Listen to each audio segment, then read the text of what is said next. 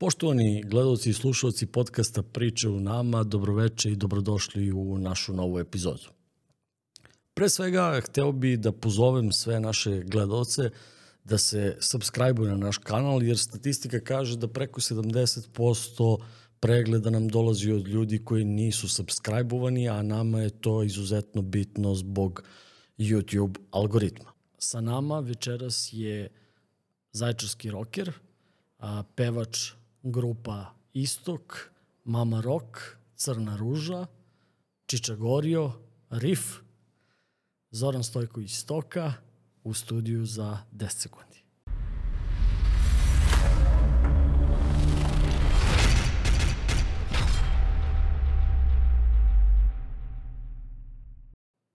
Hvala na pozivu. Kako si Zorane?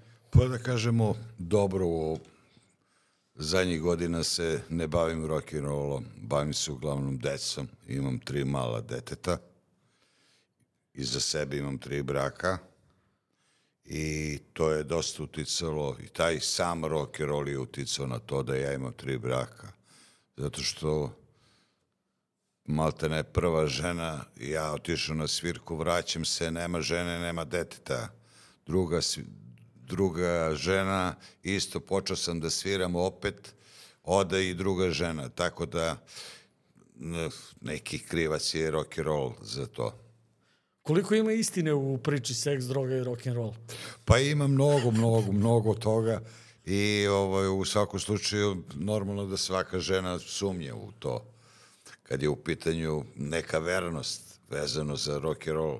Jer čovjek je u situaciji, naročito mi koji smo svirali dosta, prolazili, prošli mnogi gradove, prošli, prošli mnoge zemlje, situacija je takva da daleko si od kuće, što kažu daleko od kuće, daleko od srca. Znači ti si pokušao prvo da uspostaviš poverenje, a onda kad, kad si video to ne ide, rešio si da, da batališ rok i da se posvetiš porodici. I onda sam se posvetio porodici i deci i sada prvi put uživam sa decom. Imam jedno dete od četiri, dete od osam, sad će devet, i jedno dete od šest godina i tako sa njima provodim uglavnom vreme, čuvam ih, preslačim i pelene ako je to Da, ja mislim da, je, mislim, mislim da je najstariji klinac kao i moj klinac, da su se igrali kad su bili, kad su bili mali na, na skveru. Da, E, a, ono što obično krećem sa, sa gostima kad, kad, kad krećemo u intervju, krećem od, od nekih a, početaka. Ti si zajčarac, ovde si rođen. da. Ko, koju si školu išao ovde? Škola Ljuba Nešić, Dobro. To je vezana za prvu grupu A, B, tu smo svirali Saša Jeleko, i Jelenković, nažalost on je pokojni. Minda je svirao gitaru. I Mindo Zlatković i Saša Minda, Jelenković, moj da, kum. Tako je, tako Dobro. je.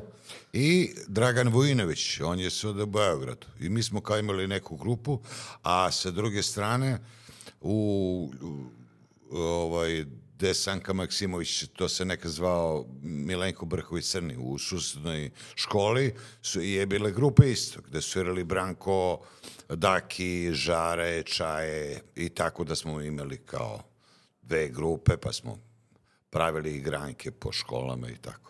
Minda mi se skoro nešto javljao i, i kaže da 5. 6. oktobra dolazi u, u Srbiju iz, iz Katara, tako da možda se i vidite, ne znam da li će da, da do Pa nisam ga vidio dugi niz godina od kad se uselio za Beograd, posle toga znam da je bio trener nekim u Partizanu valjda je bio trener. Ne, ne, ne, ne, ne, ne. ne trener, nego ovaj Mediko. Da, on je, on je posle toga, on je posle toga otišao za Katar i on trenutno živi i radi u Kataru. Koliko Blago njemu, to je sve što mogu da kažem. E, a, njegov sin je trener košarkaški. E, Da. baš lepo. E, a, znači početci neki roka, odnosno sviranja kod, kod vas protiču još iz uh, osnovne Osnovne škole. škole. Dobro, a šta se dešava, ka, kada uh, nastaje grupa Istok i ko je to uopšte Pa oni su Period se, vašeg odrastanja. Oni su se nešto posvađali posle e, srednja škola, pa smo nastupali zajedno o, ili odvojeno, mi svi e, po, bile su srednjoškolske ovaj, srednjoškolska takmičenja zapravo gde smo mi nastupili i predstavljali svoju školu, ja sam pevao za školu I tad u to vreme smo mi pravili bend i u tom bendu je bio onaj Nina što ovaj sa štakama, on je pevao, Borko Pici, on je svirao gitaru, Maksimović, uh, Milorad, on je svirao bubnje, on je završio školu za zobarsku u Beogradu. Mile Žonke, Rosa, e, to je bio bend koji, s kojim sam ja radio, u, ako može tako da se kaže, čak smo pokušavali dva, tri puta, imali smo dve, tri svirke. A na drugu stranu je svirao Žare i sa Dakijem i sa Čajetom i oni su imali svoje bende Istok i dalje su nastupali kao Istok.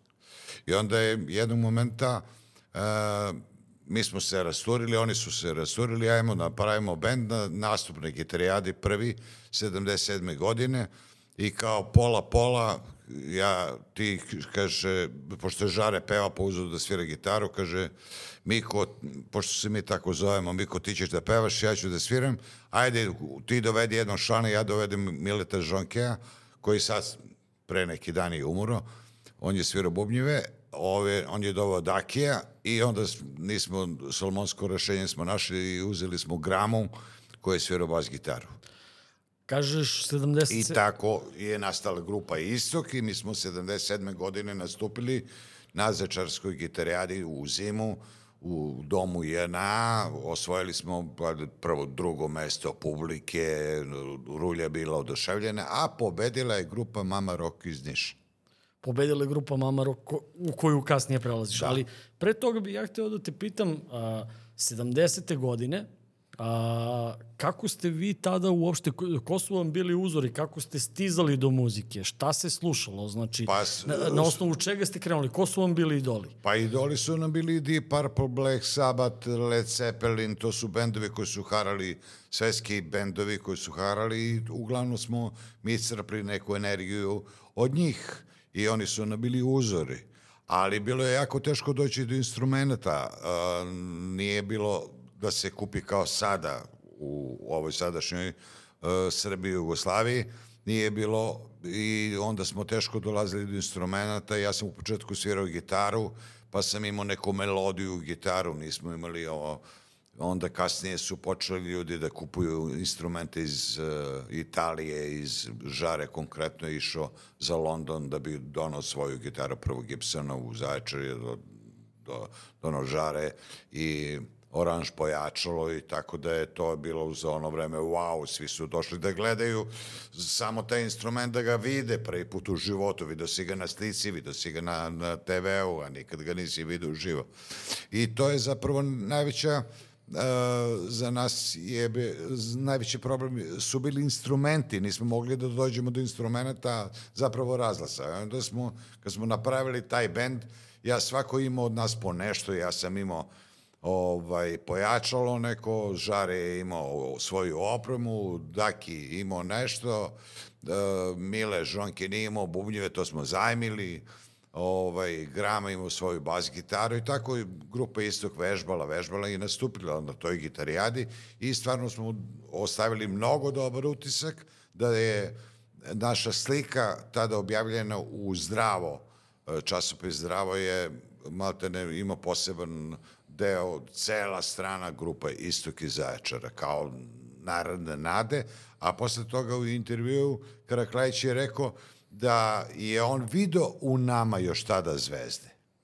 Karaklajić je beš onaj komesar da, koji je bio da, zadužen da, za organizaciju da, Da, zor, zor, iz uh, emisije Veče uz radio, iz, iz Radio Beograda. A u, u to vreme ja mislim da uh, pomenuo si, pomenuo si Deep Purple, ja Deep mislim da Purple, da, su, da. da su oni u to neko doba i bili u... Oni su bili 74. godine u, ovaj, u Beogradu, sa albumom Strawberry Year. Dobro, i tad, je, tad su i Rolling Stonesi bili u Zagrebu. Pa tako bili ti... su i Stonesi u Zagrebu, ali da ih gledamo da roditelji normalno nisu nam dali. A gde ste, gde ste nabavljali muziku? Pa, mislim, ploče smo kupovali. Kup, uh, mislim, Jugoslavija je u to vreme za sve ostale socijalističke zemlje okolne uh, bila majka i zato što je štampala sve albume. I Deep Purple i Black Sabbath. Jedini band koji nije nikako mogao da dođe do albuma, reizdanja zapravo u našem, u našim uslovima je grupa Kiss iz uh, Amerike, zato što je imalo ono SS u u slovu S. Da, oni su, slovu oni su imali specifične nastupe, da, oni su bili da. našminkani I, svi. I samo zbog toga njihove albume nisu štampali. Mislim, oni su opet gledali, bila je kritika u ono vreme zašto nosiš dugu kosu, nije to ovaj, to dobro, to su četnici, to je ono četničko... Ki, Kiss je beše I was made for loving you baby, ali to njihova stvar beše? Ja mislim da jeste. Jeste. A, Dobro, a, što, što, se tiče, što se tiče domaće scene, jel ste imali neke, neke bendove na koje Pa ste su gledali? domaća na... scena se svodila ovako. 70. godina grupa Time, gru, Korni grupa u Sarajevu je, a, radili su indeksi i Pro Arte, a u Beogradu U grupa, Korni grupa i pojedini bendovi s vremena na vreme i tako, koji su izdavali neke singlice i tako dalje. A svirali su i naši Zlatni prsti. Oni su tada u to vreme izdali album što je bilo stvarno strašno. Imali su dosta pesama na lageru, izdali su album, a nisu se uhvatili za neki singl. Običaj, običaj je bio izdati jedan singl, drugi, treći pa album. E, 74. godine, sad će biti 50 godina Belog dugmeta, Belo dugme 74. godine izdalo prvi album koji je snimljen u studiju Akademiku u Ljubljani i to je album recimo koji je okrenuo celu priču. Okrenuo u smislu da može da se živi od rock'n'rolla, a, imali su pune hale, imali su, počeli su da pune stadione, a ovaj, bila je opšta euforija, dugme je napravilo haos, prodalo je 50.000 albuma, el, tiraži su bili tada 3 do 5.000 albuma, radila je pop manšina, rock manšina, zaboravio sam, iz Beograda, koja sećam se u ono vreme, 71. godine, prodala prvi album, 500 prim, primjeraka je planulo za novu godinu. I posle toga nema reizdanja. Ne znam da me razumeš, ipak je bila malo kritika ovaj, vezana za taj rock and roll, zato što, kažem, povezivali su je sa, nažalost, četnicima i tako, zbog dugih kosa i zbog tog ponašanja. Da, bio je otpor malo vlasti. Da. Mada, mada je za, za jednu komunističku zemlju a, Jugoslavija odnosu, bila dosta otvorena. U odnosu otvorena. na sve ostale komunističke zemlje, mi smo bili majka. I imalo je i kinte u to vreme. Da, imalo je dosta love što se toga tiče, tako da smo mogli, onda smo počeli da se bavimo, da malo ozbiljnije radimo i uh, kupili smo i svoje ozvučenje i tako dalje. Recimo, konkretno, moja majka je morala da radi u Libiji dve godine, ne bi li kupio ja razlas. Ali to je bilo kasnije 77. 8. godine. Ovo je 78. godine. A 77. kažem, taj nastav što smo imali i posle toga kao grupa Istok, 78. opet smo se pojavili na gitarijadi, ali bila je još jedna grupa iz uh, Zaječara, pa nas nisu primili u finale. Međutim, mi se prijavimo za jednu beogradsku gitarijadu, grupa Istok, Dobro. gde je bilo 13 polufinalnih večeri, a finale na Tašu. I na Tašmajdanu mi smo povedali na toj jednoj profe, uh, uh, polufinalnoj večeri, na Tašu u ono vreme uh, sviralo je jedno 12-13 grupa i mi osvojamo prvo mesto. Da, kao specijalni gosti došli su grupa prvi put prvi nastup grupe Atomsko sklonište u Beogradu, na Tašmajdan. Da, oni su i osnovani 77. Da. I oni su imali promociju svog albuma, mi smo osvojili tada prvo mesto i na konto toga uh, smo dobili u to vreme su mnogi gradovi pokušavali da prave nešto slično gitarijadama i tako dalje i onda su u Beloj Palanci napravili gitarijadu i pozvali su nas kao pobednik iz Beograda da dođemo da sviramo. I mi smo svirali u Beloj Palanci i tu sam ja napravio kontakt sa uh, momcima iz grupe Mama Rock i onda tu ide ona zanimljiva priča, uh, mi, da li bi ti došao, pokušao da odradiš ovaj, imamo par pesama, hoćemo da snimimo, Bregović je sa nama, hoće da nam pomogne. I ja sam došao u Niš 1. septembra 78. godine, napustio grupu Istok, normalno uz dogovor neki sa Žaretom, pošto smo Žare i ja držali grupu Istok, uz neki dogovor, i ja sam došao i dođem na probu i sad ovaj kaže uh, Bregović uh, i ja imam rođenog brata, Cigin brat rođeni je nastupao i pevao za, za grupu Mamarok. Kaže, ja imam rođenog brata, pa ne svira na pevo belom dugmetu.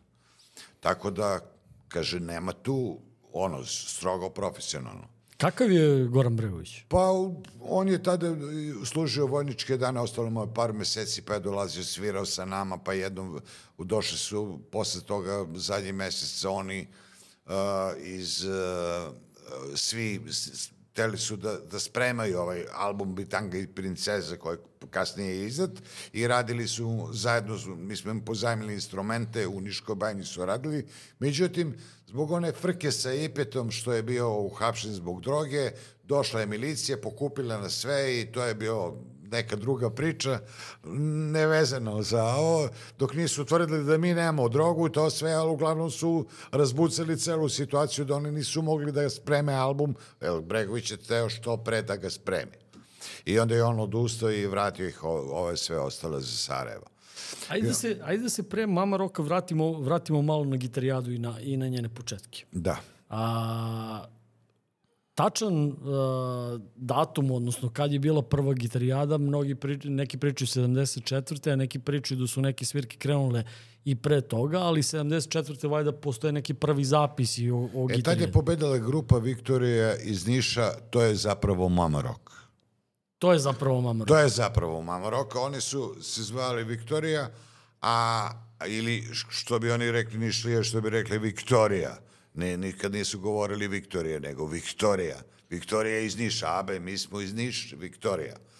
I oni su pobedili tada 74. godine. To je bilo u domu JNA. A pre toga su bili gitarijade, ja sam kao dete pratio zato što sam stanovao ovde ovaj, preko puta bioskopa Timoka, pa normalno kad je neka manifestacija, neki koncert u domu JNA, da su se tu održavale, ja sam gledao i te manifestacije kad su bile te druge gitarijade, bile i zimski i letnji, u početku su nastupali naši zaječarski bendovi, a kasnije su došli bendovi iz Bora, iz Knjaževca, iz Majdanpeka i onda je tu bilo kao malo rivalstvo između njih koje kao najbolje, ali nije bilo onog zvaničnog ko je pobednik, ko osvaja prvo mesto. Ja mislim da je počelo to zvanično sa grupom iz Niša Viktorije, 74. godine, kad su oni pojavili, oni su napravili bum tada u ovoj domu JNA, bilo je preko hiljadu ljudi, ja ne znam kako je ona sala izdržala to, Ove, bilo je strašno i mislim to su te gitarijade onda posle je bila 75. 6. 7. 8. 9. sve su one održane gore u, u domu JNA.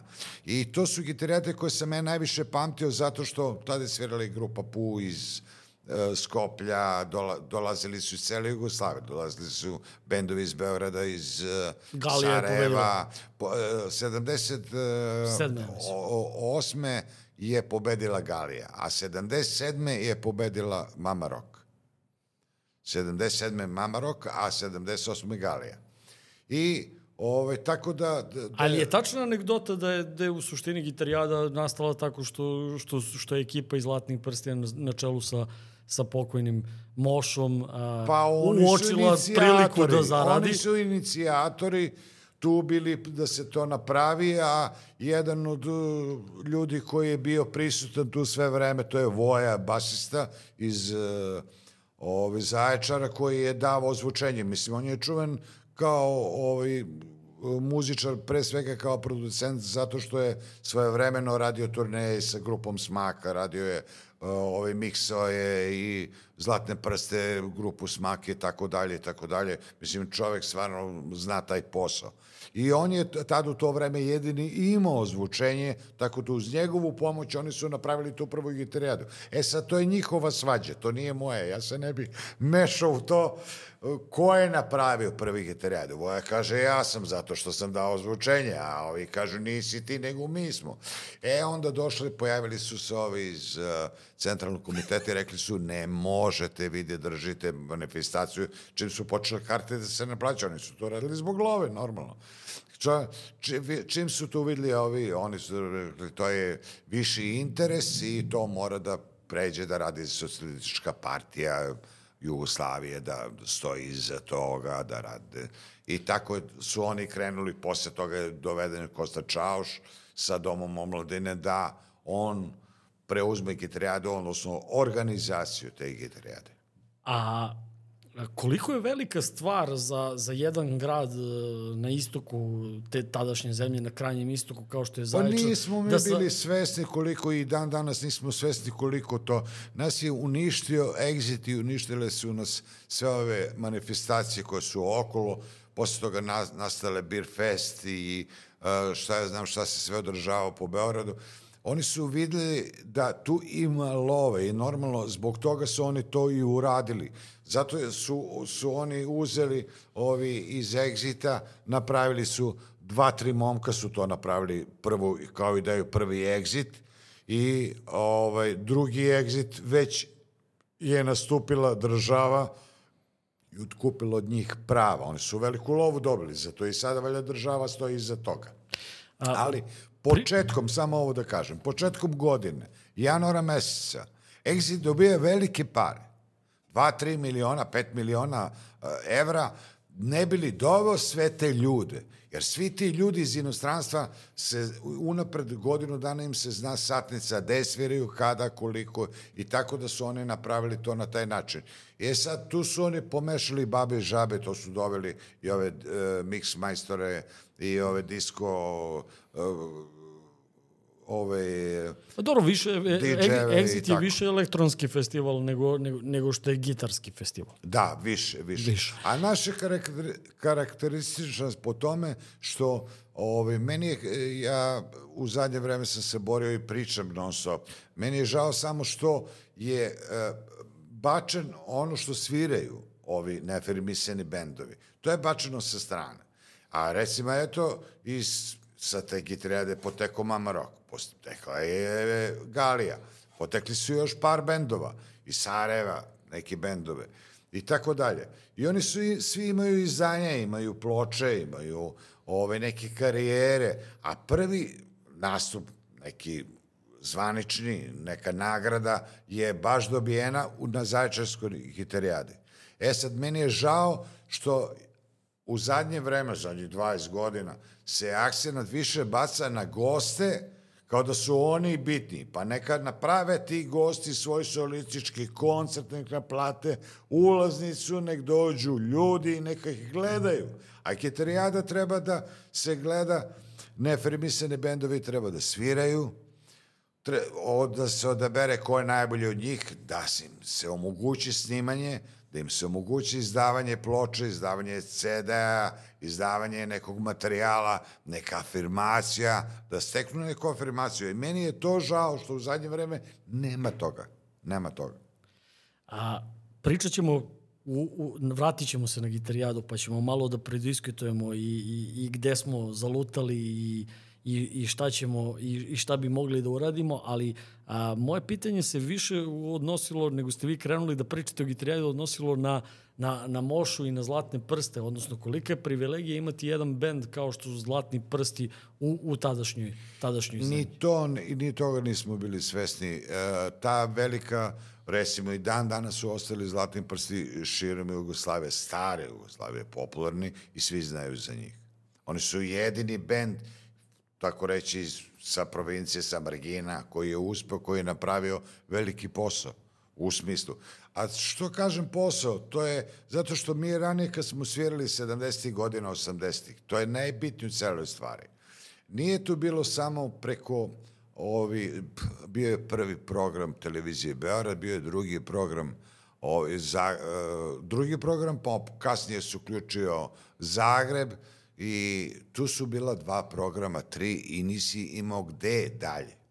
A sad je to viralno toliko Društvene mreže, YouTube. Društvene mreže su zastupljene i tako da malte ne može svako da snimi, može svako na, za veoma kratko vreme. I ja koliko znam, jedini bend koji je uspao preko društvenih mreža da napravi posao, u smislu da se afirmiše ovo, to, su, to je grupa SARS.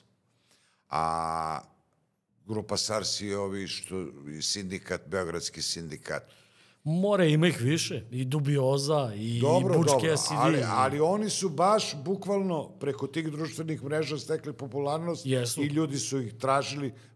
I, tu, I žao mi je što nije, kažem, a, ti čuješ snimak i ne znaš da je to to dok ih ne vidiš na bini. Šta je bitno? Bitno je ono što smo mi ranije radili. Kreneš iz Niša, recimo, lupam, sviraš u Pirotu.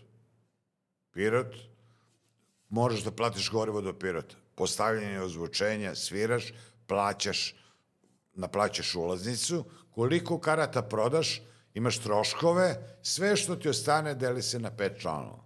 E, to je bio biznis i to je bio posao. A sada to ne može da priušti sebi ne petina, ne trećina, nego pet grupa ne mogu. Ni jedna grupa to ne radi sad. Nije više to taj sistem ovaj, sada sviraju po a dr, uh, grad ih plaća. Neko, recimo, ne bi gledao neku grupu koju grad plaća, a prisiljeni smo da ih gledamo i da ih slušamo. Da, ima nekoliko grupa koje, koje i dalje rasprodaju, čvrsto rasprodaju svoje nastupe i da. dan danas.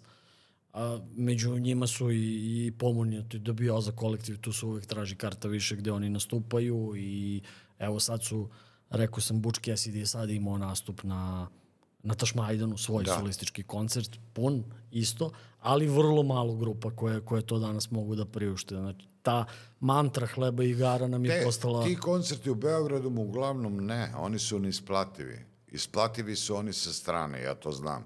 Beograd ti pokrije, reklama ti pokrije, sve ti u lovu uzme, reklama. Jer ti moraš dobru reklamu da imaš da bi najavio taj koncert. I dobru tehniku. I sve kad platiš to i kad platiš ove ostale stvari, to ostane uglavnom izvođačima ništa. Ali nema veze, on će sutra ode u Smederevo, ode u Valjevo, Kraljevo i onda naplati. Kako smo došli do toga da, da, da je sad samo bitna želja da hoćete nešto da radite? Mislim, e, sad, sad kad, uzmete, kad uzmete i gledate ove nove pevače i ovaj autotune, mislim, to pola njih nema veze sa pevanjem. Kako je bilo u vaše vreme i koji su bili zahtevi za jednog pevača dobre rock grupe? Pa, to sam ja upravo malo pre počeo da pričam vezano za Bregovića. I onda je on rekao, kaže, ja imam brata, brat svira brat ne svira u belom dugmetu. I onda kaže, a meni, ti dečko, snimi sutra dva snimka u Radio Nišu sa bendom, da ja čujem da li tvoj glas, da li ga ima na tejpu, da li postoji. A onda ćemo da vidimo. I mi sutra dan snimimo dve pesme, on to čuje i kaže njegov glas može. Znači, ima ga na tejpu. Tu nema šminkanja, nema ničega, nema dodavanja ovoga onoga. Ili te ima, ili te nema. Ili si za to, ili nisi. A sad rade svašta. E sad, ti se toliko i razumeš i ne razumeš, ali postoje, recimo, kad se snimaju pesme, postoje, spravi se neke, da možeš, recimo, da prepraviš falš, ako neko isfalšira, on mu ispravi to, to je sve u digitalnom svetu sada. Ma da, software A mi smo to analogno radili. Analogno se snimalo na traci. I ono što si otpevaš, što ti ostane. Nema gore dole, nema dodavanja. Ima dodavanje u smislu terce, možeš da dodaš tercu da otpevaš opet, možda da dodaš ovo, ali nema ono što se snimi, to se snimi, to ostaje tako trajno, večno i to je to. Pa ne, ja kad se setim, kad, pošto sam kao vrlo mali krenuo da se motam po radiju, jer mi je uvijek bio vlasnik radija, i onda se sećam kako je on snimao zvučne efekte za radio. Znači, bukvalno korak je snimao tako što uzme klompu i ispred mikrofona hoda. Da, Nije da. bilo, sada ima zvučni efekt za, Da, za šta da, hoće. za, za hodanje, zvon, zvon, telefon, ovo, ono, levo, desno, sve ima. Sad postoji sve. A, postaje, postaješ pevač uh, Mama Roka. Da, A, kako dolazi do, do snimanja te singlice njihove? pa Na koji se nalazi čuvena ja mogu samo pesma? da kažem, kad sam ja došao u band, Mama Rock, uh, odmah iste prve subote napiši pesme koje znaš da pevaš i radili uh, 100-150 koncerata godišnje. Znači, petak, subota, nedelja, sviraš Knjažavac, uh, Sokobanja. Tuđe pesme ste a- svirali. Da, Cover da, band. da, da, da. Tuđe pesme, a ujedno i naše Dobro. pa da vidimo reakciju publike. Ali uglavnom se sve svodilo na tuđe pesmu. Tad su svirali uh, ovaj, bendovi bili popularni, Styx, uh, uh, ovi Sultani od Swinga, ovaj, tu pesmu smo recimo svirali, pa onda smo svirali Pink Floyd, eh, jedna cigla u zidu i tako dalje. To su hitovi, svetske hitove si morao da sviraš i ujedno sad svoje.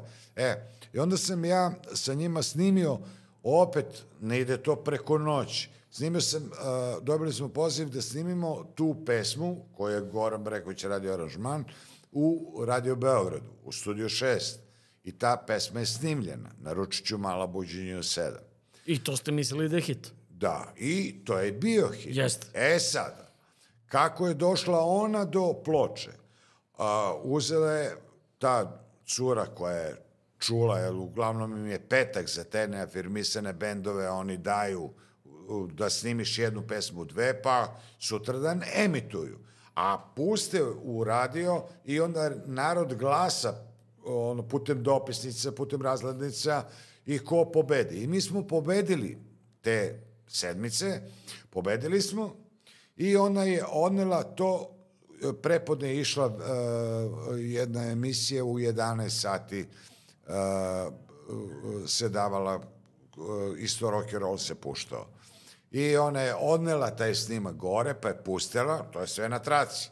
Ona je puštala taj snimak i tako je došlo to do ušiju uh, ovog urednika muzičkog. I oni su, dobili smo poziv da idemo u PGP RTS, da snimimo tu ploj, pesmu. Ne, uh, uh, došlo je do, do toga, pa smo onda nastupali na televiziji. Uh, 1. maj je bio prvomajski praznik i nastupilo je sve u Jugoslaviji što je vredno. Tada je išla grupa ovaj, generacije pet, baš i ova Rašić je pevao Daj mi daj sa svojim bendom. Išla je e, grupa Vatreni poljubac od tih mlađih grupa, išli smo mi i išla je Čorba, normalno išlo je Dugme, išlo ovaj, Dado Topić sa grupom Smak i tako dalje, tako dalje. I to je bila maltene prvomajska emisija i mi smo tu nastupili sa tom pesmom. Još uvijek nismo imali ploču. I onda, sa, sa tim snimkom.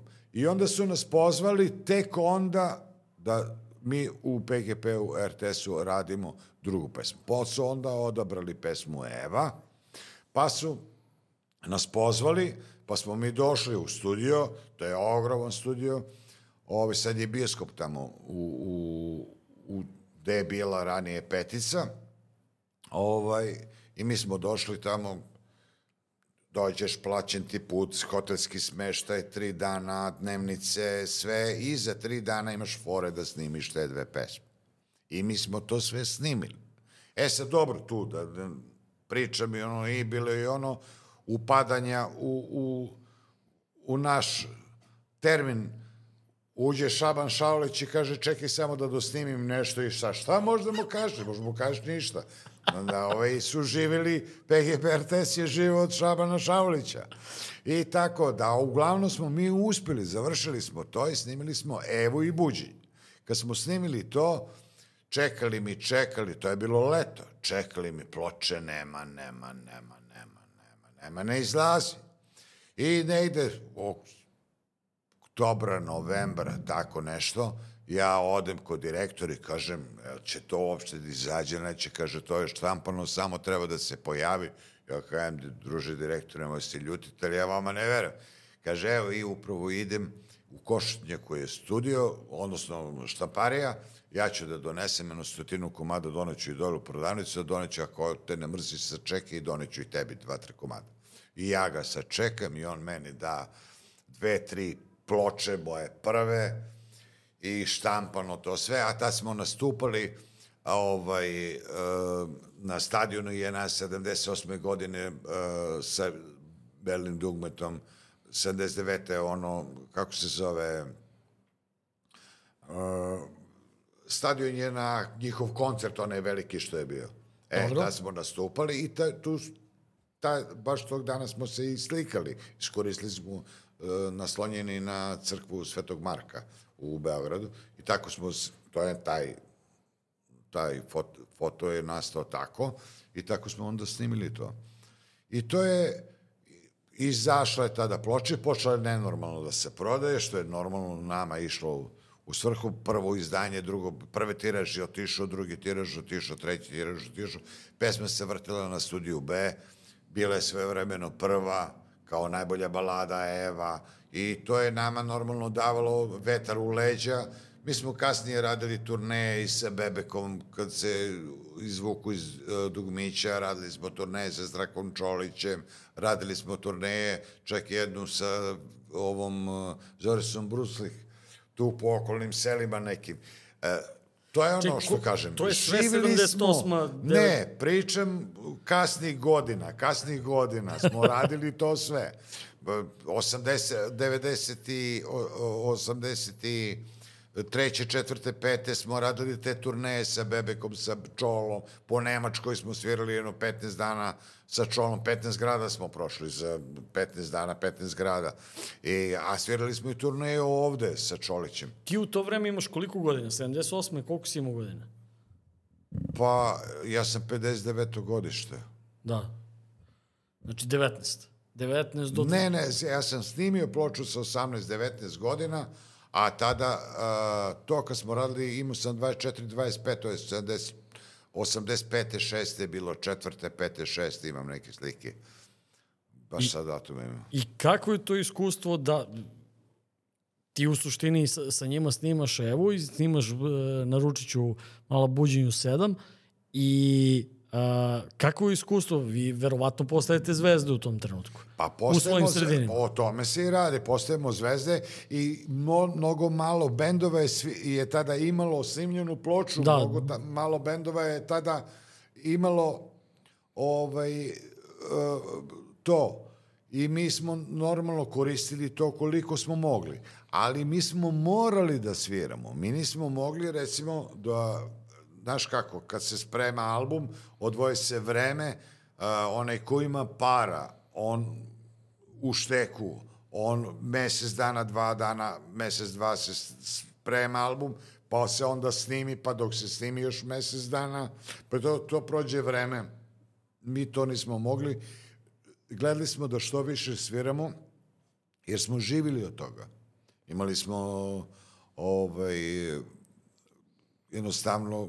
U suštini si- vi ste preživljavali. To, nije, to nisu bile sad neke ogromne pare. Pa jesu ogromne pare u odnosu na radničke pare, na radničku platu, ali nisu to bile ni približno pare one koje su uzeli recimo sve vremeno Dugmići i Čorba i recimo Bajega kada su nastupali kasnije posle toga.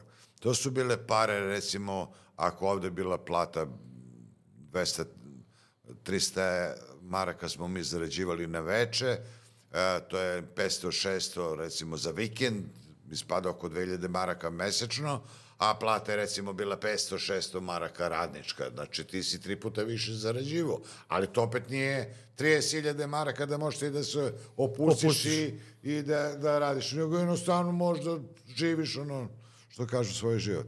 A koliko je tačna priča da, da, da je u suštini preseljenje gitarijade 79. ili 80. iz doma vojske u halu bilo uslovljeno nekim skandaloznim nastupom Bode Ninkovića i grupe Ops iz Da, to, Smedereva. to, je, to je zadnji nastup bio e, na gitarijadi. Oni su izašli kao ops e, pozorište Da. i zato im je bio takav nastup.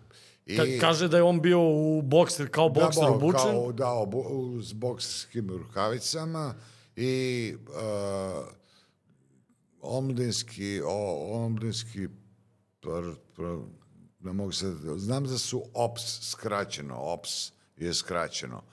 I to je bio zadnji nastup. Onda se seli gitarijada u dom JNA, do, dom omladine. Dobro. I narednih par godina, no četiri, pet godina je bila u, u domu uh, omladine i to je jako malo i posećeno. I tada smo mi nastupili, ja sam nastupao 82. godine sa uh, grupom Crna ruža i pobedili smo.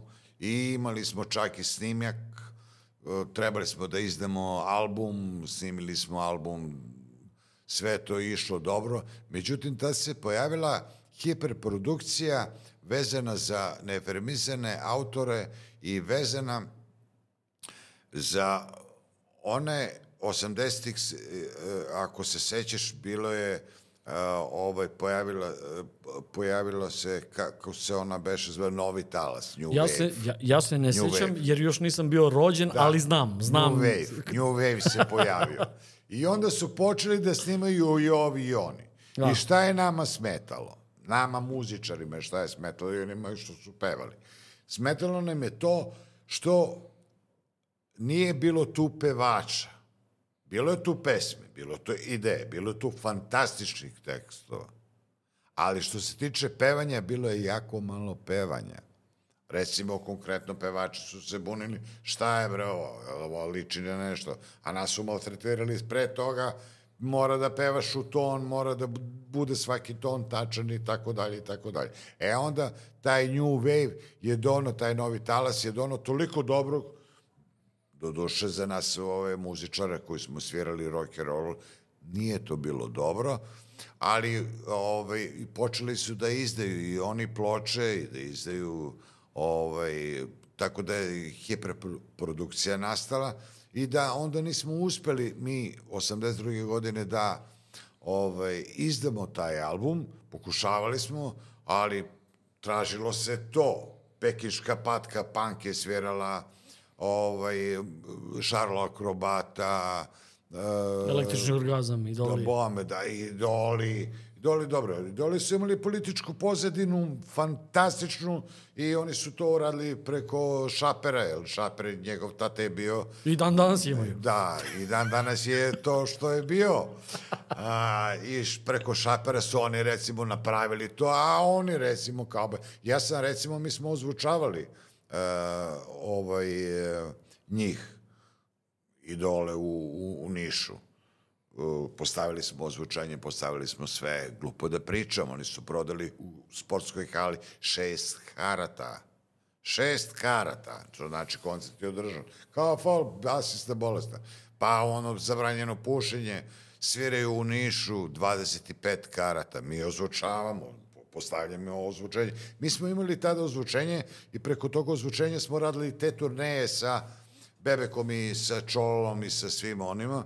Tako da u A ko je to, pošto si mi rekao sad Crna ruža je bilo 82. Sa kim si svirao kad si radio turneje sa Bebekom? Ko je to? e, 83. godine sam se ja vratio u Mama Rock. Aha, aha, aha. Jer a, bila je jedna nezgoda 80. godine. Mi 5. maja ulazimo u studiju i snimamo drugu single ploču. I sve je završeno. Znači, ponedeljak, 5. maj, mi izlazimo, dolazimo u Beograd, uzimamo dnevnice, ulazimo u studiju tri dana snimamo ploču. I pesma se zvala Ko čeka, taj dočeka i Prijateljica. I zamisli, četvrtog jave uveču u 7 sati umru drug Tito. A pesma koju treba da snimimo je Ko čeka, taj dočeka. to je, mislim, stvarno paradoks. I sto, sad šta se dalje dešava? Mene zove Siga gitarista i kaže, či idemo ili nećemo? Kao, Budala, rekao, gde da idemo, kako da idemo? Čovjek umro, nema tu više svirke. Kraj. Onda narednih šest meseci nije bilo svirke. Nije bilo svirki... Niko nije da i, svira. i, i, neka, I pre toga su nas šest meseci, da kažem, na neki način zezali, te boli ga noga, nije mu dobro, sekli mu nogu, ne svira se. Ne svira, jer svirali smo, dosta se sviralo, radne akcije su se svirale, redovno, redovno su svirale radne akcije, recimo Koponik, Niš i tako dalje i tako dalje, i sve smo to i sad dođeš, postaješ izlučenje, kaže, druga teta boli, noga nije mu dobro, javljeno je s centralnog komiteta, otkaže se svirku, nema šta tu, radi se sve za partiju. Ne pitaš se ništa. Da, i tako. I, i mi onda ja odem u vojsku 80. godine. Kad je on umro, onda ja u vojsku, šta da radim? Jer nema, ja sam znao, nema, nema svirke, nema ništa, nema života. I, a posle toga je Ciga dobio poziv za vojsku, pa je po, dobio poziv gitarista Bovan, tako da smo u tri godine išli na strojice koji su bili bitni za Mama Rock, a, ovaj, odbili smo u- JNA. Onda sam, ja umeđu vremenu sam svirao na stup 82. sa grupom uh, Crna ruža i 83. je dobijem poziv, uh, kupio cigo zvučenje veliko, ogromno i kaže ajde da dođe da radimo, da ovo, radimo album i tako dalje. I mi, ja se vratim i mi napravimo taj album, Pokreni me, koji je izdat 85. godine, napravili smo uh, promociju u, i u Zaječaru i na gitarijadi, imam snimke sa gitarijade, uh, baš žive snimke sa gitarijade. A znaš šta je interesantno? Kad, kad pretražuješ e, po, po internetu, samo na tvom kanalu određene stvari mogu da se nađu. Na YouTube kanalu. Nema ih nigde. Pa zato što sam ja to sve sačuvao na jednoj vrsti kasete, pa sam prebacivao na drugu vrstu, pa onda na VHS, pa sa VHS-a digitalizovao i ja sam imao muku dok sam sve te snimke izvuk i napravio da ostane za uspomenu nekim ljudima. I sad mnogi me pitaju kako bre ti to imaš kao ti što me vidiš, kako ti to imaš. Ja sam čuvao svoje snimke. Poneo sam si, što bi rekao. Da, ja sam ih čuvao, imao sam ih. kao- A zahvaljujući pokojnom Milašinu, recimo imao sam na onoj profesionalnoj traci, jer on je bio snimatelj kod nas u Radio Zaječaru i u televiziji uh, Zaječar došao iz Beograda čovek, ovaj, sad, proš, pre par godina je umro, on je sve ove naučio kako da rade sa kamerama i sa kamerom. I ovaj, on mi je poklonio jednu kasetu i kaže, evo ti originalna kaseta, to je ova studijska To je- čuvaj to. To je čudo šta je Zaječar izgubio sve sa tom arhivom Radio Zaječar i TV Zaječar. Pa to je otišlo to što bi se reklo preko noći. E sad, ko je to pokupio, taj zna. A, Dalji... Mislim da Vlada Đak ima dosta arhive, gitarijada i tako dalje, zato što on skoro sve gitarijade radio, Vlada Đak. I on ima dosta materijala, ali sad koga to interesuje i koliko interesuje, koji... Interesantno je recimo da mi kad smo povedali 94. godine kao grupa Riff, a kako je došlo uopšte do, do, do grupe Riff i, i, i tebe u grupi? do, do, do grupe Riff isto smešno, ovaj, a, ja prolazim i vidim Petju gitaristu i šta reći, ma mane uvatile me muku, ovaj pevač neće doći da peva. Oni su godinu dana pre toga nastupali na gitarijadi, ja sam im čak i dao jednu pesmu, nešto smo kao sarađivali, ja sam im malo nešto pomagao. I kaže, neće da dođe ovaj pevač iz, u Niš, on se ocelio za Niš, neće da dođe, traži pare, traži putne troškove, traži ovo, ono, a oni sviraju u koncertu ovaj, Kutlujevca, u onoj hali, sali. I ja kajem, šta te briga, rekao, ja ću pevam, rekao, koliko znam i umem, nije samo da vam ne propadne, znaš. I je normalno ja dođem, otpevam tu no, desetinu pesama, koliko da se održi koncert, da se održi oni sviraju nešto instrumentalno, mi smo, ja otpevao. I na to Moša Radenković kaže, ajde, ovaj, ti si rođen sa Riff, ajde završa. A oni su među vremenu radili taj album, kao Riff. Oni su radili, ali bilo je tu par mojih pesama, koje su oni odradili. I on kaže, ajde uzmi bre, otpevaj to, ti mani više, od ovog nema ništa, od ovog iz Niša. I rekao, ajde. I ja ovatim i na nagovor Moše, ja pređem u rif i počnem sa njima da radim i mi odradimo to i snimimo do kraja te pet, šest pesme koliko smo snimili i nastupimo, tad umeđu vremenu bile gitarijade, mi nastupimo i pobedimo. To je bilo na stadionu, bilo je mnogo ljudi, peš hiljade ljudi je bilo, bio je haos. A čekaj, je li Crna ruža bila zaječarska grupa ili... Isto zaječarska grupa Crna ruža, ja sam zabrajao malo pre da kažem, Trajko je svirao bubnjeve, Branko Bosanac je svirao bas gitaru na, na ovaj, na gitarijadi, a pre toga je Daki svirao bas. Ovaj, Božin je svirao solo gitaru, Kole, advokat, on je svirao isto ovaj, klavijature i tako. Ja sam pevao i to je bio bend koji je, recimo, snimili smo stvarno dobar materijal. Ali, Ali nismo- moram, moram još nešto da pitam. Koje su bile propozicije takmičenja na gitarijadi? Jer to, to se nešto menjalo. Ranije, Da, ranije, ranije je bilo e, mora da jedna sobstvena kompozicija. Dobro. Pa na kraju moraš sve tvoje sobstvene. Pa onda uh, i, i da bude dve, to su ovi uveli, komunisti, a, da bude jedna iz Narodno-oslobodilačkog rata. Pa onda posle toga da bude jedna vezana za brigadire, za bri, brigadirske, brigadirska pesma, takozvana.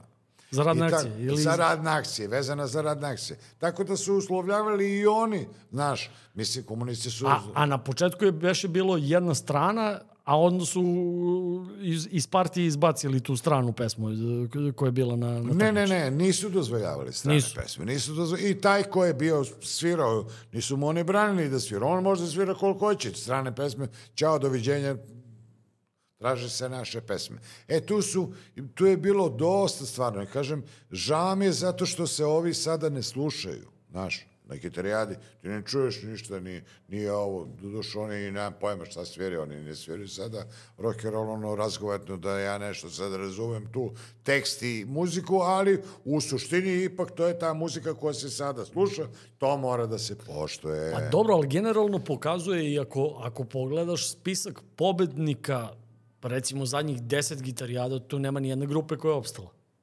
Pa ni jedna, to je ono što ja pričam, nema ništa, niko ni ništa. I o, mi smo kao grupa Riff posle toga jedve izboksovali, ali opet maler. Mi izdamo album u to vreme. Ploče su prestale da se prave. Mi izdamo kasetu. Ja mislim da sam imao tu kasetu. radio stanice nemaju kasetofone da emituju to. Većina radio stanica nema. Ima one trake, trakaši, oni stari. Magnetofoni. Magnetofonske trake i ploča.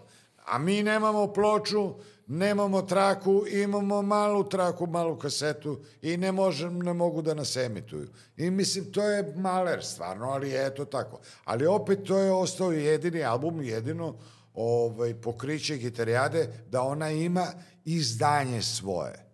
A Da kažem, ba, ili ona se baš i zove, znači, pobednik začarske gitarijade. A, a kad se gitarijada u suštini prebacila na, na stadion iz hale sporta? Pa, ovaj, oni su svirali u, u svirali smo dva, dve, tri godine je, je bila u domu e, omladine i onda je Goran Popović došao, bio onaj e, omladinski e, predsjednik Dobro. predsjednik za omladinu. I on je sa svojim drugarima, s kojima se dan danas druži, ajde da baremo brigetarijadu u halu. Ali ne mora, plašili su se cele hale i jedna polovina da bude, da će ru- rulja da dođe, znaš.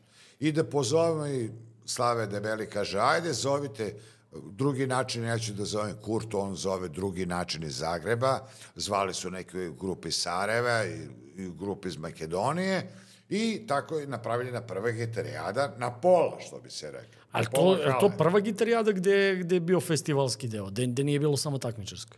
Ne, ne, ne, bi- bile, uh, otvara grupa drugi način gitarijadu, onda nastupaju takmičarski bendovi, kad se to završi, onda ovaj opet za kraj neki bend sa strane afirmisan bend.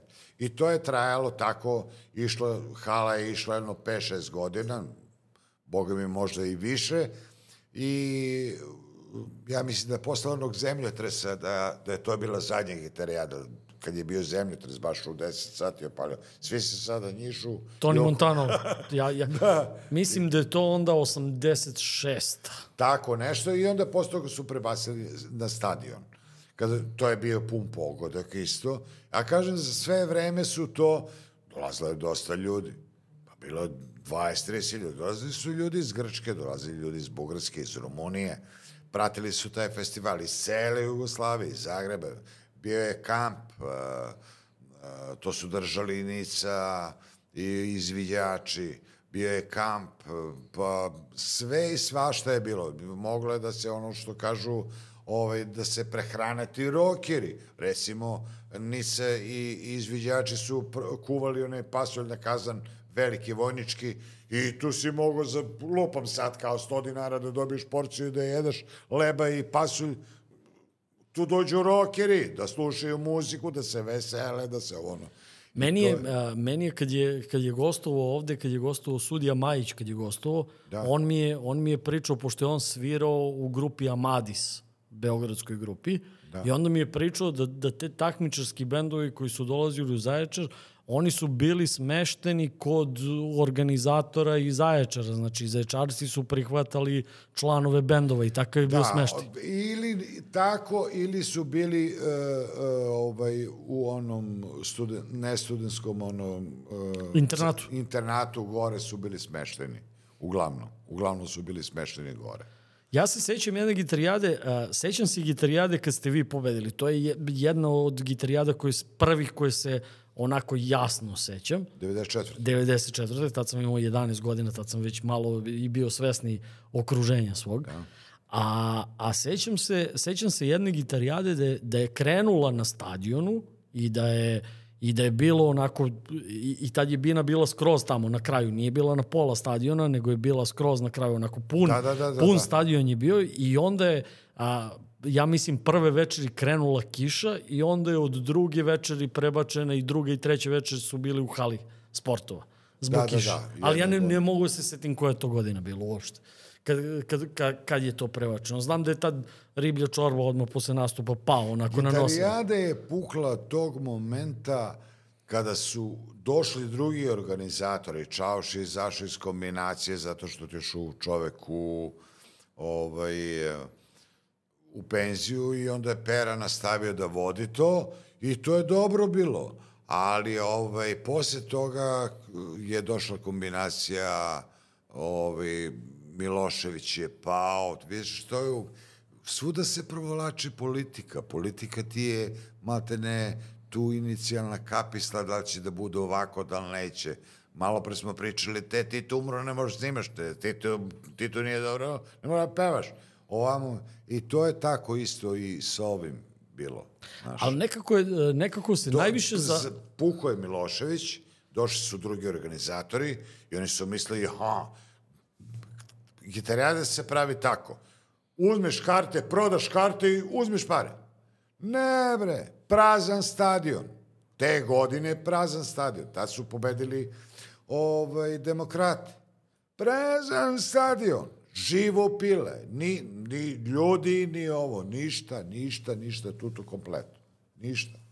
Ništa. E, tu je gitarijada počela da puca, onda je jedne godine Jova Rašić rekao, ajde, kao jubilarna neka bila, pa se Jova Rašić prihvatio da bude direktor, pa je, zvali su tada ovu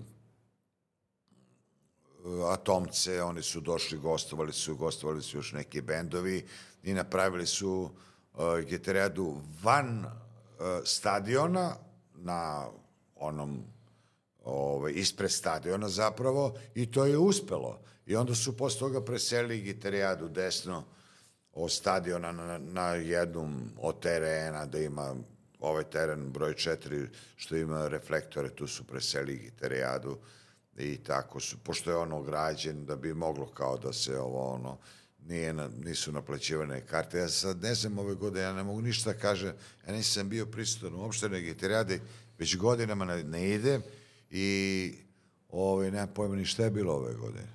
Pa gotovo ništa. Onako, ove godine... Pa Miljko je tako izveštavao. Nema ni voda za novinara. Pa ove godine, ove godine je a, vraćena a, prodaja ulaznica, s tim što a, nije bilo da se kupi karte za pojedinačno veče, nego je bilo samo za paket, ali ljudi koji su bili tamo kažu da je organizacija bila do te mere loša da su mogli preko ograde da se da ovaj koji uđe daje kartu sledećem i da i da, Da. on ulazi unutra. Onda kažu da su da je masa karata bila raspodeljena firmama, odnosno da su sponzori kupovali karte Da, i da, da su da. delili ljudima.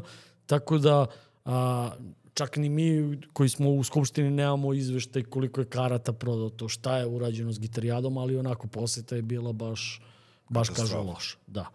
Pa u, u principu u principu posle, posle te, ajde da kažemo, od neke 95. 6. I, i, i kad kreće ta kriza i u našoj zemlji i posle 2000. Posle toga i, ja mislim, i- iselili su gitarijadu i na Popovu plažu jedne, jedne Da, jedne godine je bila na Popovoj plaži, kad je gostovao Dado Topića se mišu zbog Dade, da gledam Dadu. E, Pokušali su sve, varijante su pokušavali, ali pokušavali su ljudi nestručni za to, ljudi koji nemaju pojma šta je organizacija jedna. Ja, pa su jedno vreme angažovali ovog iz Novog Sada, on je došao, napravio gitarijadu kako treba da bude, pa sledeće godine treba ovaj sneg da dođe i on je angažovao ovaj sneg. O, kad je trebalo da se plati, on kaže, dajte bre ljudi, treba da im platim 50.000 dolara koštaju, ja treba njemu platim danas, sutra, imate 5 dana fore. da, to je I- bio kalt Billy Idol, pa je trebalo sledeće godine White Da, Snake. bome Vajsnik. E, te godine kad je trebao Vajsnik, i on mrtav ladan, Čat, pre, Čatović, prebaci Vajsnik na taš i pošto ih je platio svojim parama, čovjek koji je dovodio rock and roll, zvezde, Stonese, šta, s kim nije sve radio, i ti se zezaš s takvim organizatorom. E, takav čovjek treba da vodi Da, ti- on- on je- Takav čovjek treba da vodi On je vodio i, takav- Vasić, pevač, i naš, Željko Vasić. Nije, Željko nije u tom fazonu rock and roll, on je više u drugom fazonu, pop fazonu. E, on je više da pomogne gitarijadu u nekom afirmativnom smislu, da se gitarijada afirmiše, da se reklamira ali i malo pre kad, ste, malo pre kad, kad smo pričali i rekao si a, vezano za, za gitarijadu a, i Exit si pominjao i kako je Exit Da. da. pre, prešišao gitarijadu. Jel nije upravo to razlog što a, mi nikad nismo gitarijadu izbacili iz tog političkog dela. Uvek je grad organizovao gitarijadu umesto da se to dalo u ruke što se kaže privatne Pa malo ruke. pre sam ti ja rekao, u, e, prvi exit su napravile tri momka. I oni su napravili to. To je bila velika para. I odmah je grad uzeo to. E, znaš- ali, ali oni su, sad je zakon takav, oni su to sve potpisali, overali, to je njihovo vlasništvo bilo. I oni su to svoje vlasništvo prodali gradu i sada grad to radi. A druga... Ja mislim da ne. Ja mislim da, I- da nije i- 100% grad. Ja mislim da i dalje postoji preduzeće Post, postoji preduzeće normalno koje, koje vodi to, ali da ti ne pričam sad šta radi i kako radi. Evo kad već pričamo da pričamo. Sin moj svirao na Exitu i o, to je bilo u 5. jula, 6. jula i sad on dođe e, septembra meseca i meni kaže čao, čao, kaže, ej, zvali su nas, kaže, da nam plate, da što smo svirali na Exitu. Pa reku, koliko? Kaže, po hiljadu dinara. I ja kajem, sine, jel imaš ti hiljadarku? On student. Kaže, pa nemam. Pa reku, potpiši šta ti radim kad vi niste ugovorili, na vreme vi niste razgovarali kako treba. E sad šta se radi? Daju, oni normalno potpisali na iljadu i dali im ovi po iljadu. Oni su odaju peticu po 51 iljadu recimo, ili dodaju 201 hiljadu. Ta grupa je koštala milion, koštala je toliko, oni samo dodaju pre toga 500 hiljada i jedna hiljada i tako dalje. To je, to se sada radi na sve strane, svi to rade, tako rade. Uglavnom ne zarađuju muzičari više nego organizatori i oni koji znaju da muvaju, koji znaju. Ali opet bez takvih ljudi ne može da se jedna takva manifestacija održi. Ne, Jer- ali, ali e, šta sam teo da ti kažem? Hteo sam da ti kažem kad, kada je krenula, kada je krenula gitarijada da, da posustaje i kad se pojavio Exit. Kad Da. se pojavio Exit. Tad su ljudi ono reagovali, evo sad je Exit postao, nema više ništa od gitarijade. I to je ostalo tako. Pa se onda pojavio a, Arsenal Fest. Da, ne, pa Beer Fest. Beer Beer Fest, Fest. Beer Beer Fest. Fest se pojavio. Pa, pa, je, pa se pojavio Arsenal Fest, da. koji je na istu temu kao gitarijada.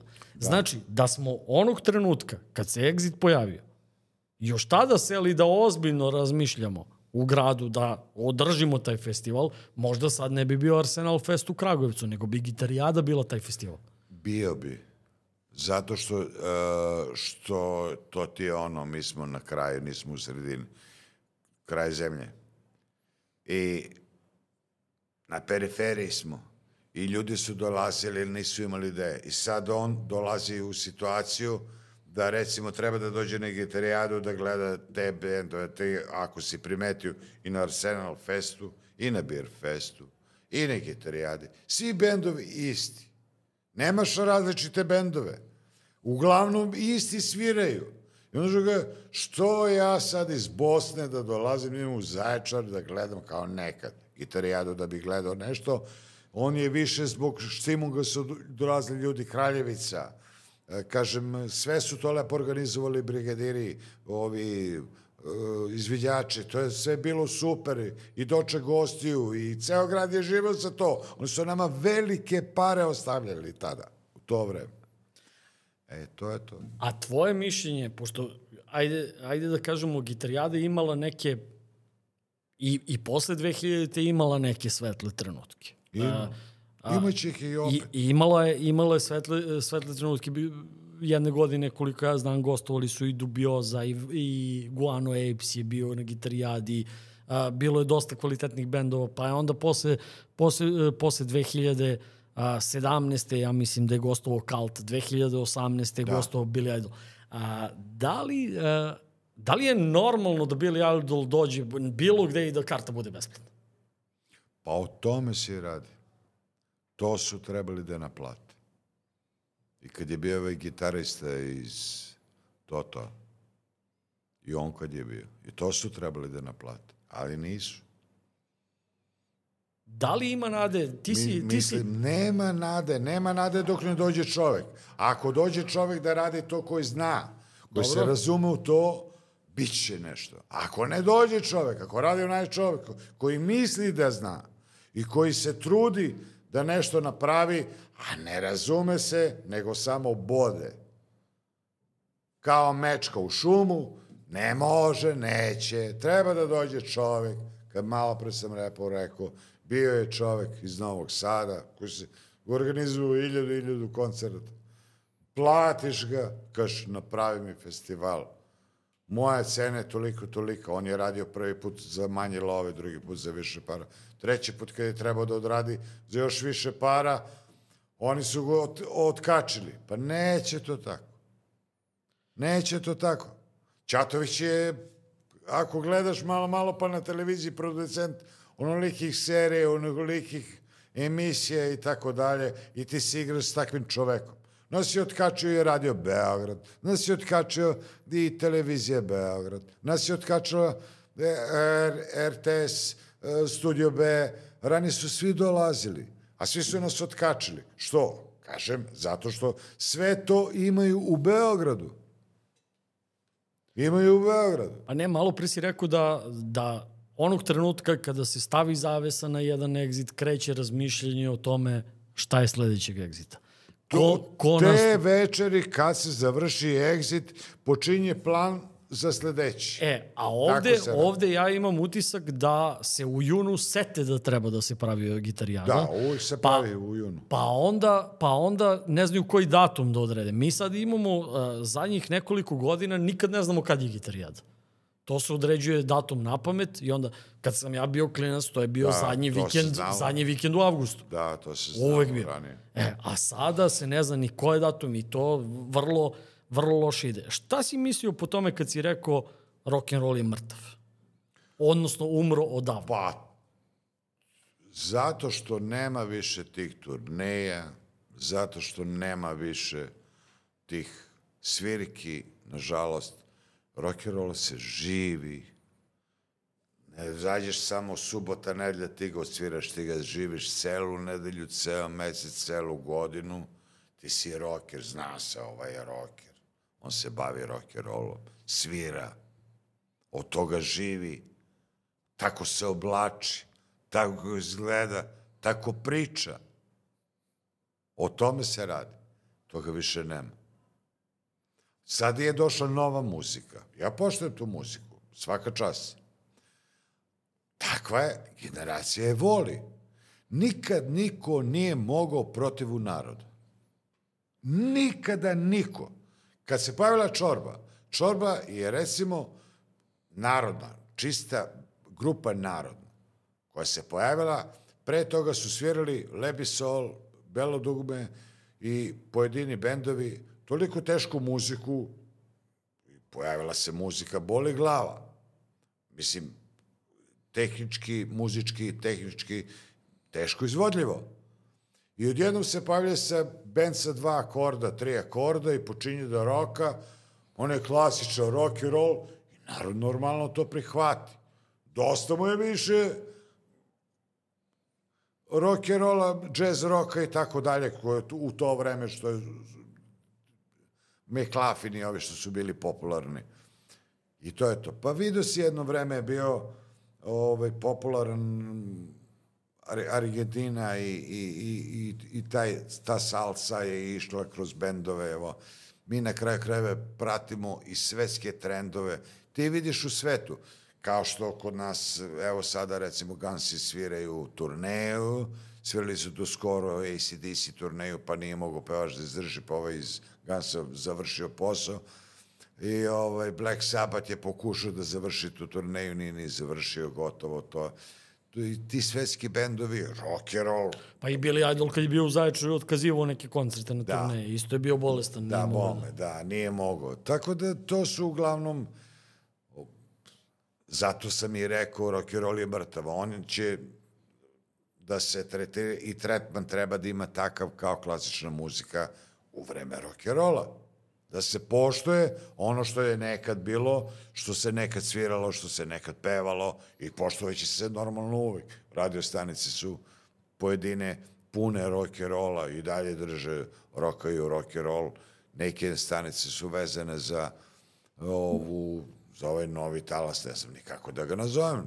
Ta muzika što zato što za ja moram da priznam ja zadnjih par godina ne slušam radio stanice i kad slušam ja slušam uglavnom one radio stanice gde se puštam u rock and roll da bi mogo da čujem ono što mi se sviđa. Zadnji album koji sam e, baš slušao da je izašao pre par godina, čini mi se. To su ovi iz Amerike. Samo da se setim. Sweet Home Alabama što sviraju. Sweet Home Alabama, e, oni. Oni su izdali dobar album, ali i oni je dobro nešto prošao vezano za prodaju, što je najbitnije. Zadnji album koji je rock and roll dobro prošao, to je pre par godina bilo, nije pre par godina, pre jedno desetinu godina, uh, album uh, uh, Black Sabbath, što je izdao. To je zadnji album koji je prodat u par miliona primjeraka. Znači, sve ostalo nije ništa. Sve je ostalo, prodaje jednostavno slaba, nema Mada se polako e, trend za, za prodajom ploča e, vraća Pa se. vraća se e, za prodajom ploča, ist, mislim da je to i ono, znaš, ajde, uradit će se to, uh, lepo imate, mislim, stvarno to, ja se sećam, ja sam skupljao ploče, imao sam preko hiljadu. Ovaj, to je, držiš ploču u ruci, ona je velika, ona je ogromna, uh, pa je otvaraš, pa to su rituali dok je otvoriš, pa staviš... Pa taj miris. nju, Pa taj miris vinila i to, to je nešto prelepo. I ovim, ne kažem sada ovo ne vredi, mislim, CD je ovo, ali CD, CD je otišao. Znaš, Nema CD-a više. Ko? CD više to niko i ne sluša, da bome to. Sad, sad su platforme, sad, sad je Spotify i svi su na Spotify-u, plaćaš i slušaš, to je to. YouTube Music, Da. isto. A oni žickaju pare od reklama preko tih platformi i to Pa je... dobijem i ja nešto od, od YouTube-a, nemam pojma to kako oni to plaćaju preko Sokoja nešto plaćaju. Ja vidim obaveštenja neko, imali ste toliko, toliko emitovanja, imali ste toliko, toliko to, sve se, ali kad ti pesma ide uz reklamu, neku, neka reklama, ako se zakače za tvoju pesmu, onda ti računaju. A ovako, ako zakačeš, znači da oni od tih reklama zapravo Oni, oni zarađuju od reklama, a ovi koji su, koji su korisnici YouTube-a, e, ali samo što je to za srpsko tržište, to je, to je, to je sića lova, to mislim. To, Da, da, da, To, da, da. to je baš ništa. To od nas A- ali već recimo u, u Americi mogu lepo ljudi da žive od YouTube-a, da baš žive od YouTube-a. Ne, i od autorskih prava Da. se, recimo, za vek vekova uh, živi. Recimo, onaj koji je imao hit, pa naročito ako ga neko snimio posle toga u, u svetu. Tog jedne, od jedne pesme. Bože, od tantijema živi godinama. Slušaj, samo znam da smo se mi zezali jednom kad e, u Radio Jokeru kod mog ujaka smo se zezali i hteli smo da vidimo kako funkcioniše Sokoj zbog autorskih prava. I mi smo imali obavezu da svakog meseca šaljemo listu sa pesmama koje su puštane na, na radio stanici. I onda smo mi uhvatili jedan planjanski bend koji je snimio dve, tri pesme i stavljali smo ih na svakih pola sata da smo ih puštali. Oni nikad dinar nisu dobili od Sokoja. E sad, e, to je meni dokaz da oni maltene ni ne gledaju, nego neki trending izvuku i po tom trendingu daju pare izvođačima, a da vrlo Ko, Sokoj? sokoj. Ja, ja ti tvrdim da, da, ne. da ne upoređuju te Pa liste. nisi u toku, ja sam član Sokoja. Kako ja rade? To pratim. Ne radi se to tako, to se radi ovako. Imaš upravni odbor, Dobro, U tom upravnom odboru njih 15-20 afirmisanih kompozitora. I skupi se ta lova. I ovaj uzme 50 miliona, ovaj 20, ovaj 30, ovaj 30, 40, ovaj je volko, ovaj je onolko. I zato je Vlada Georgijev one godine skočio, jer je upališ peglu Vlada Georgijevu, upališ rešo Vlada Georgijevu, upališ televizor Vlada Georgijevu, i on dobije 50.000 dinara. Za celu godinu što se emitovao. Pa ovi isto, SARS sa onom pesmom Buđav je- lebac. Buđav lebac dobili su 11 dinara. A cele godine su se vrtili. Eto, sve dok ima upravnog odbora koji između sebe deli te pare, da ih sad ne pominjem koji su ti, ja kažu da nisu, ali redovno oni dobiju, ja dobijam stotinu evra, 200 godišnje, u dva, tri navrata, i to svake godine. A čak nekad ni to ne dobijem.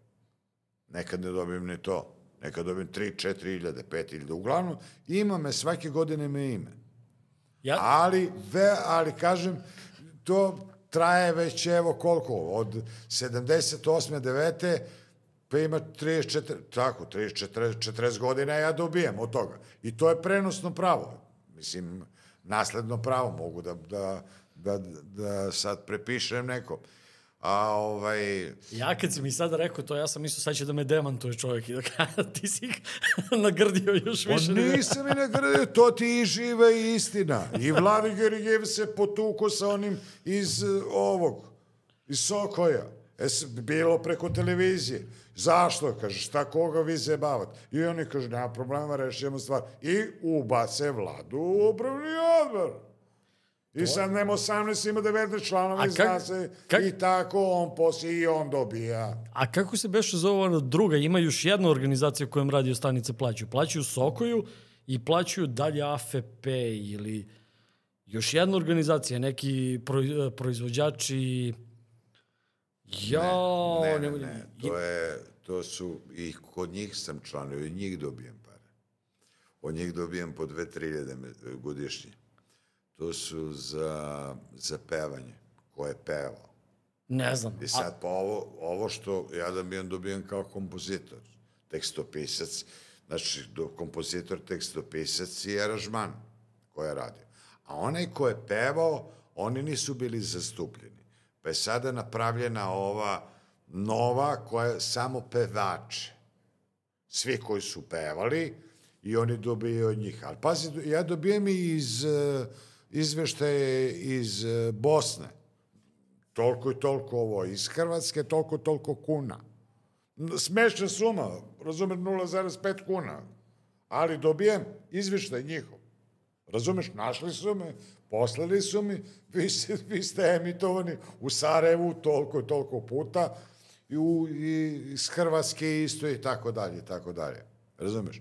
Ali uglavnom je to taj sistem, znaš. I to što ti pričaš, što je otvorio Cvetkovićev sin. Cvetković je bio ministar naš. Premijer? Premijer, premijer, da bom. E, njegov sin drži to. Ovu drugu agenciju, ne ovu Sokoju, drugu ovu drugu, agenciju, da. ovu drugu agenciju drži on. On je to otvorio.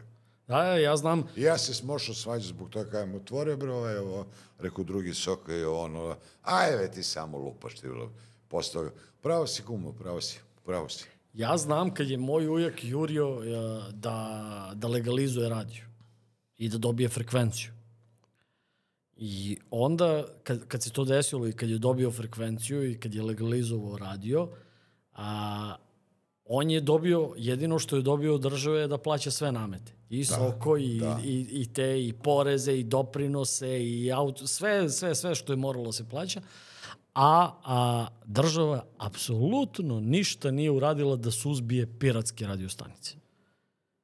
I onda a, je u jednom trenutku postalo neodrživo da radiostanica koja, koja radi na lokalu i koja da. treba sve to da namiri, da. znači da a, cena koju je ona tražila za reklamu je bila neuporedivo veća nego cena koju je tražio neko koji nije ništa plaćao državi. Da. A država ga ne, ne gasi. I onda se samo desilo da se sve lokalne radiostanice, skoro sve, sem one koje se nisu zakačile za, za grad da, da ovo, se polako ugase. I ove velike, tipa TDI radije i tako dalje, su ih otkupljivale i širile svoju mrežu. Sve te... A redko koja je radila profesionalno kao radio, ovaj, radio Zaječar. Redko koja. Redko. Mislim zato što su imali onako i vesti, a ono, ovi su uključeni na tuđe vesti, opale tuđe vesti, teraju muziku, puštaju muziku ceo dan. A radio Zaječar je ipak imao kvalitetan program, kvalitetan program, kvalitetni ljudi su radili dole. Trudili su se baš, osvajali su velike nagrade, mnogo nagrada su osvojili u i radio i televizija ovaj, Zaječar. Ne, to je... Igre od od Boga, to je jedan, su oni ugašeni. jedan od većih gubitaka ovog grada je nestanak ja. te, te televizije i radija. A, ajde za kraj da mi kažeš, imaš li neke planove, da li možemo da te ikada više vidimo u muzici? Pa ne, zato što sam posvećen deci, posvećen sam drugim poslovima, kućinim poslovima. Žena ne radi, pa ovako ponekad radi, što bi se reklo, na održavanju. Tako da ne mogu da kažem ništa, ja sam dobio ponude, ali kažem ti i sada te ponude što sam ja dobio da pevam su jako smešne. Ajde dođi da pevaš ženu crvenu. Da, to pa je. ja za tu crvenu ništa ne mogu toj deci da kupim ni po jednu čokoladu. Mene kući čeka četiri deteta. Ja sam jedini od njih, od svih tih, od većine zapravo ima koji su se penzionisali. Ja sam iskoristio, ja sam od 17. godine, imam pravo na penziju, uh, uplaćivao sam to što sam pevao, što se bave profesionalnom muzikom, ja sam to uplaćivao i tako da imam 26 godina radnog staža, ja sam se penzionisao Za 46 godina sam imao 20 i nešto godina, 16-17 profesionalno bavljanje muzikom. To sam imao uplaćeno. I to je ono što je meni zapravo izvuklo. A mnogi koji su zarađivali više od mene, ovi što su svirali svadbe po Negotinu i po krajini, oni nisu to plaćali. Znaš, ono misli to večno. A mene tata naterao, ajde, uplati sine, to moraš da imaš i to je to. Planovi, nema planove nikakve, volao bi da i odem i ja na gitarijatu, ali da gledam gitarijatu, da gledam momke mlade kako sviraju. A ne da gledam ove stare zvezde, mislim ovo što već puštaju, nego nešto mlado, nešto novo. Da će da dođe do toga, čisto sumnjam. Rekao sam, rock and roll is dead, I am bad. Zorane, e, još jednom, ti, hva, još jednom ti hvala što si izdvojio vreme i što si, što si gostovao u, u našoj emisiji i nadam se da se vidimo na nekoj gitarijadi na kojoj mladi sviraju. Da, da, nadam se. Hvala tebi, hvala na pozivu. Pozdrav svim gledalcima i slušalcima. A mi se, dragi slušalci i gledalci, vidimo već sledeće nedelje.